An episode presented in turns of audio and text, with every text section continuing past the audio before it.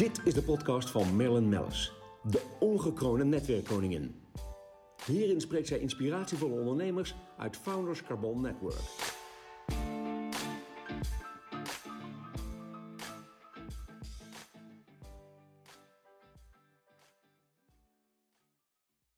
De podcast wordt mede mogelijk gemaakt door Blenheim Advocaten. Een gezellige ochtend starten we met Gerke van de Ven. Ehm, van de firma Boven en Dien. Geweldige namen. Boven meen ik Family Office Gerke, klopt. En Dat Dien is eh, eigenlijk meer een ja, persoonlijke secretaris. Gericht op, ja, zoals jij dat zo mooi zegt, de silvers. Dus de ouderen. Ja, ongelooflijk leuk dat ik je hier aan tafel heb. Heel gezellig in het Amsterdamse. Jij zit met jouw kantoor om de hoek. Ehm, waar gaan we het allemaal over hebben? Nou, ik denk voor de luisteraar heel erg leuk dat je heel even ook vertelt wie is Gerke van de Ven.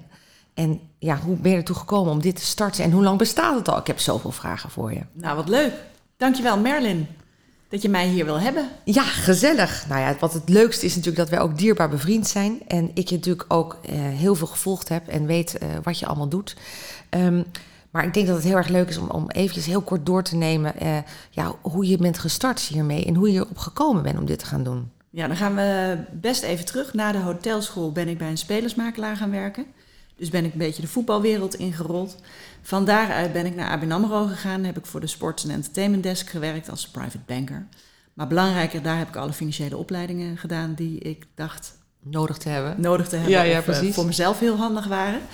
Ehm, en eenmaal bij de bank kwamen wij, en wij is ik en mijn compagnon, toen mijn collega erachter, dat de dienstverlening die je eh, aan de klanten geeft, dat die veel beter wordt wanneer je het echt doet in het belang van de, van de klant. En dat roepen grootbanken altijd.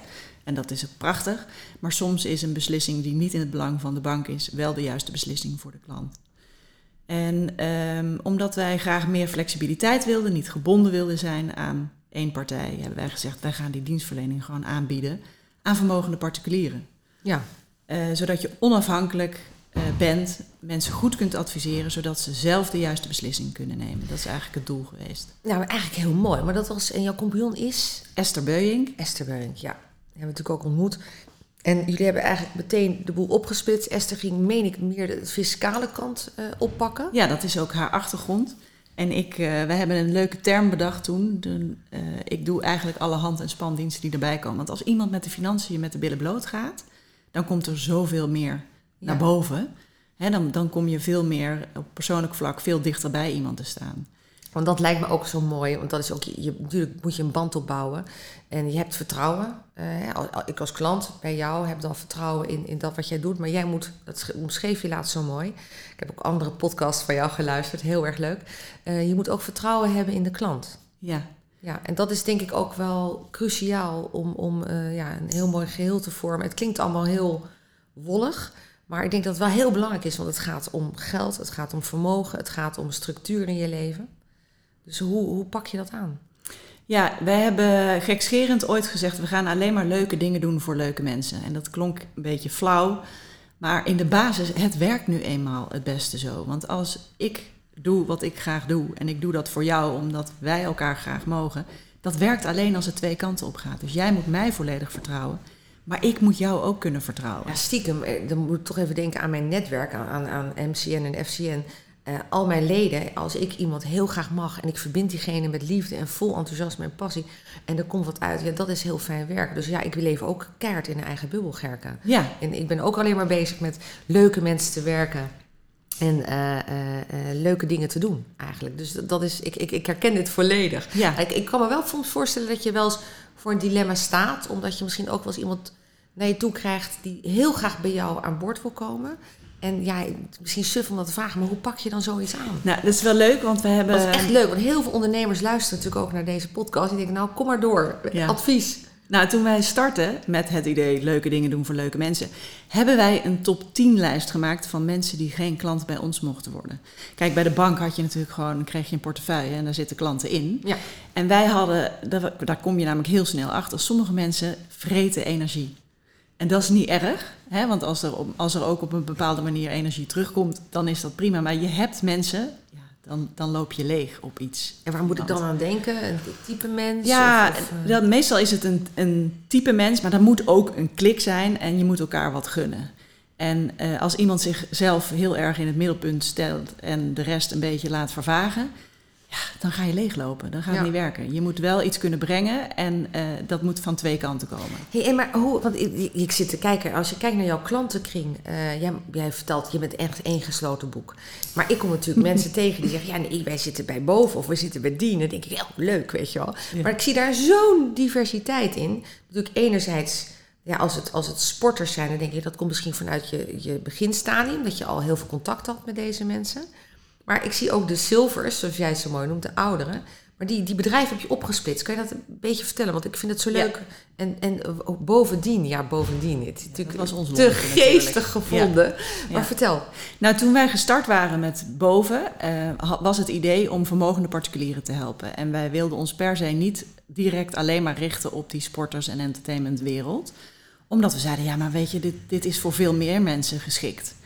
Eh, maar toen wij de deur achter ons dichttrokken bij de bank, toen brak de pleuris uit in bankenland. En gelukkig hadden wij in die zomermaanden ervoor gezorgd dat we vindbaar waren. Maar dat had tot gevolg dat heel veel klanten van de bank ons gingen bellen om te vragen: ja, maar wacht even, de banken staan op omvallen. Welk jaar was dit? 2008. 2008, ja. ja. Ehm, maar konden Gerke en Esther vinden. Dus dat loopt eigenlijk. En ja, wij krijgen klanten alleen maar via via. Ik hoef geen advertenties te plaatsen. Eh, mensen moeten warm aangedragen worden. Ja, ontzettend leuk. Ja. Hey, en die silvers, want, want boven is dus echt de family office. Nou, eh, helemaal mooi. Maar en dan heb je dus Dean. En, en eh, dan zeg je ja, de ouderen. Maar ik kan me ook voorstellen dat mensen van 50 plus ook, ook daar zaken mee willen doen. Het ligt eraan hoe, ga, hoe gauw je zilver wordt. ik ben natuurlijk. 50 plus ger en ik heb gewoon geen Je zilver. bent Ik ben- welkom. Je bent ja, welkom. Ik, en, ik, en ik blondeer het wel, maar ik ben nog niet grijs. Dus godverdorie, hoe gaan we dat doen? Ja. Nee, maar leuk. Maar wat doe je precies met Dean? Nou, Dean is echt een afgeleide geworden van, van boven. Hè. Boven hebben we een soort regisseursrol, dus we zijn geen vermogensbeheerder. Maar eh, we zijn een regisseur voor privépersonen. Dus wij, veel van onze klanten hebben verschillende vermogensbestanddelen in verschillende landen.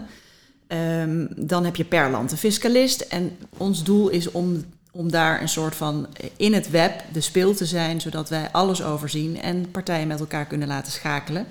Wederom om te zorgen dat het voor die klant die in het midden zit goed Beste geregeld is Resultaat. Ja. en afgestemd is.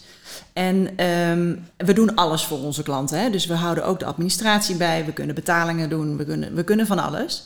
En die dienstverlening, dat sprak banken aan. En wij kregen steeds vaker de vraag van... joh, kun je even bij mevrouw Jansen de administratie op orde brengen? Dat kunnen we, maar we kunnen zoveel meer. Dus we dachten eerst van ja, dat is eigenlijk bijna zonde. Totdat we zo vaak die vraag kregen dat we zeiden... ja, maar dan moeten we daar een aparte dienstverlening voor opzetten. Dat werd Dean. En dat werd dien. Ja. En wat wij vaak wat we zien is dat er heel vaak een traditionele verdeling is in wie de administratie thuis doet. Vaak is het maar één persoon die het doet. Die weet alles en de ander heeft geen idee. Maar je wordt ouder. Ik kan me voorstellen dat dat ook spannend wordt, want je weet Ja. niet wie er omvalt. Ja, wie er als eerste gaat. Ja. En als die persoon die daarvoor verantwoordelijk ongenuanceerd zoals ik dit zeg. Ja. Sorry. Lekker, kort door de bocht. Dat is wel duidelijk.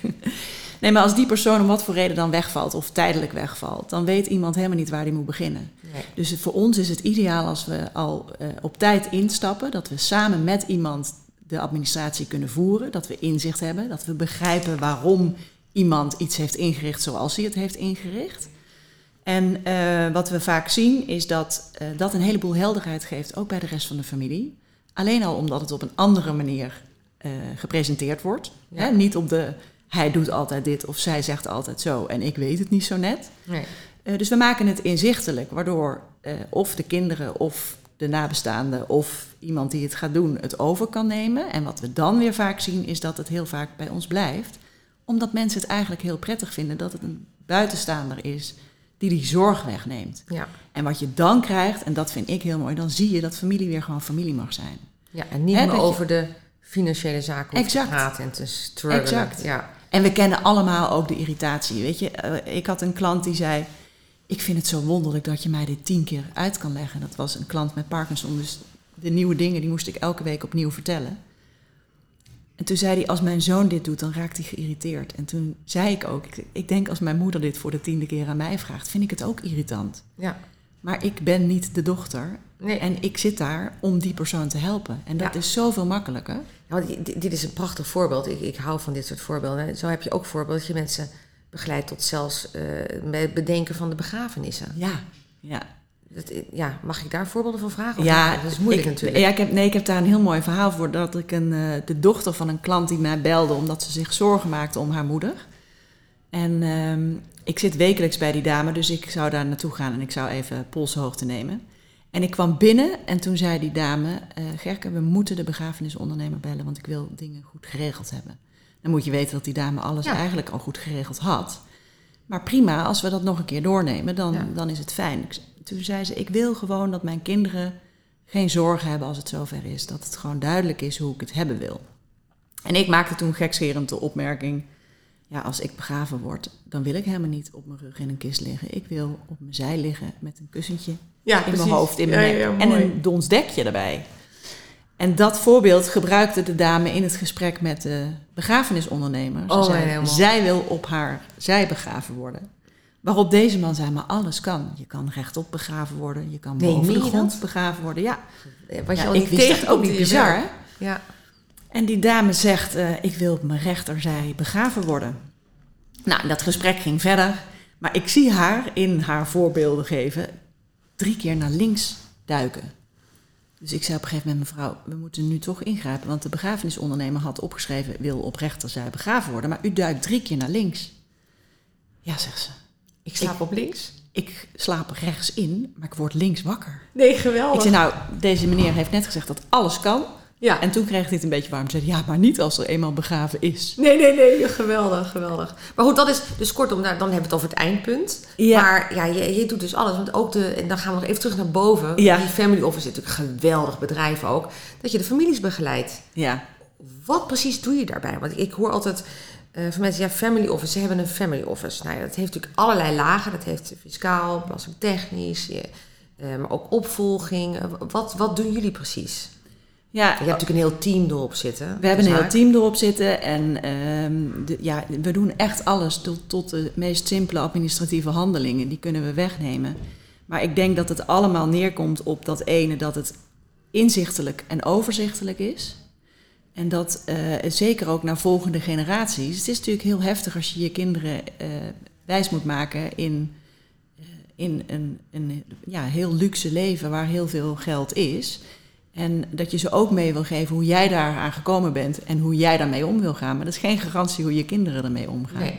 Maar je kunt ze wel op tijd meenemen en aanvoelen hoe kinderen ermee om willen gaan. En Want die vrijheid ook echt- creëren. Ja, want, want het lijkt me ook echt heel moeilijk om te weten van kan mijn zoon of dochter de tent wel overnemen. Dat, moet, dat hebben we ook weer over vertrouwen en, en, en kennis en kunde. Ja, en daar zijn gelukkig ook hele mooie partijen voor die, da- die daar echt gespecialiseerd in zijn. Er is vaak een dood, gedoodverfde opvolger. Ja. Maar of dat altijd de meest geschikte persoon En dat, je, is. je begint nu te lachen. Ja. Dat kunnen de luisteraars niet zien. Maar dat, is inderdaad, dat is inderdaad een hekelpunt. God, wat leuk. Ik heb, ehm, eh, het, het grappige is dat ik vraag altijd aan, aan al, alle leden, alle mensen die ik interview, vraag ik altijd van... Goh, heb je nog tips voor ondernemers? Ja, de basis. Doe wat je leuk vindt. Doe Ja. waar je hart ligt. En dan word je er, als je er niet al heel goed in bent, je wordt er sowieso beter in. Ja. En misschien word je er wel de beste in. Ja, heerlijk. En heb Ja. je nog plannen? Want ik bedoel, ja, we hebben boven, we hebben dien. Is er nog een plan waarvan je zegt, nou, dat mist nog... of dat zou ik ontzettend leuk vinden om nog uit te werken? Of, of...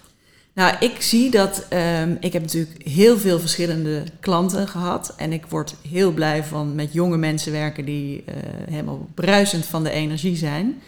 Maar ik zie ook dat ik heel erg blij word om met ouderen te werken. Die gewoon een heel leven al gehad hebben. En die dat overdragen aan de volgende generatie. Ehm, en ik zie dat we daar echt nog wel een steentje aan bij kunnen dragen. Door Ja. alles mooier over te dragen. En helder en open. Ja, ik denk ook dat dat is denk ik ook heel erg mooi. En ik denk ook dat het belangrijk is, en, oh, kijk ook maar naar de vergrijzing die er ook nu plaatsvindt. Eh, je- wordt steeds voor beide en voor boven als family office, maar ook voor al- als die persoonlijke secretaris. eh, er komt steeds meer vragen natuurlijk eh, Ja. voor. Hoe kunnen de mensen jou überhaupt bereiken? Want ik weet nu al, anders krijg ik weer op LinkedIn allemaal waar kan ik haar bereiken. Hoe kunnen mensen jullie bereiken? En je mag altijd Merlin bellen, maar als ze niet opneemt. nee, Of appen of mailen. of appen of mailen. Ehm, je kunt ons vinden via de website boven.nl of bovendien.nl. En Dean schrijf je D. E E-A-N. Precies, oké. Bovendien.nl. Ja, hartstikke mooi. En jullie zitten in Amsterdam. Ja, Ja. hier om de hoek. Heerlijk. Maar weet je, dat maakt natuurlijk nu ook niet meer uit waar je zit. Deze tijd heeft wel geleerd dat we het hele land Ja, kunnen... hoe ben je eigenlijk de coronatijd nog... Ja, we zitten natuurlijk nu aan het staartje. Hoe ben jij die tijd doorgekomen? Heb je die mensen dan nog wel soms persoonlijk mogen ontmoeten? Ja. Of zat je inderdaad met een oudere te- in een Zoom? Vind ik echt wel heel leuk om Ja, ik heb eh, bij wat ouderen ook Zoom geïnstalleerd. God, Ook leuk. hilarisch, want die zijn dan natuurlijk echt niet gewend. En dan had ik het aan de praat. En dan zei ze, ik denk dat het het doet. Dan zei ik ook, ja, maar nu moet je alleen het apparaat nog bij je oor weghalen. En dan kun je er gewoon in kijken. Want anders Oh, kijk ik zo in oor. Maar, ehm, Hetzelfde niveau als breng je muis in de rechter naar de rechterbovenhoek. Ja, nee, Die- precies. Ja, exact die. Nee, maar als ze bereid zijn om eh, eh, dingen te leren, ja, dan duurt het misschien iets langer, maar ze kunnen nog zoveel wel. Ontzettend leuk. Er heeft wel een verschuiving plaatsgevonden hoor, met, eh, met de hele COVID, het hele COVID-tijdperk. Absoluut. Wat leuk. Nou ja, ongelooflijk bedankt voor je komst. Ja, dit is, de tijd is alweer om, het vliegt altijd. Maar ik vind het ongelooflijk leuk om, om te horen inhoudelijk nou even iets meer wat jullie hebben neergezet en wat jullie precies doen. En eh, daarnaast eh, moeder van eh, prachtige kinderen. Vind ik ook wel heel bijzonder. Eh, ik, ja, als vrouwen eh, vind ik toch dat het... eh, ben jij weer een van die parels die er weer met kop en schouders bovenuit steekt. Bedankt voor je komst. Dankjewel. En eh, even over de tafel nog heel netjes een dikke zoen. Gezellig. Deze podcast werd mede mogelijk gemaakt door Blenheim Advocaten.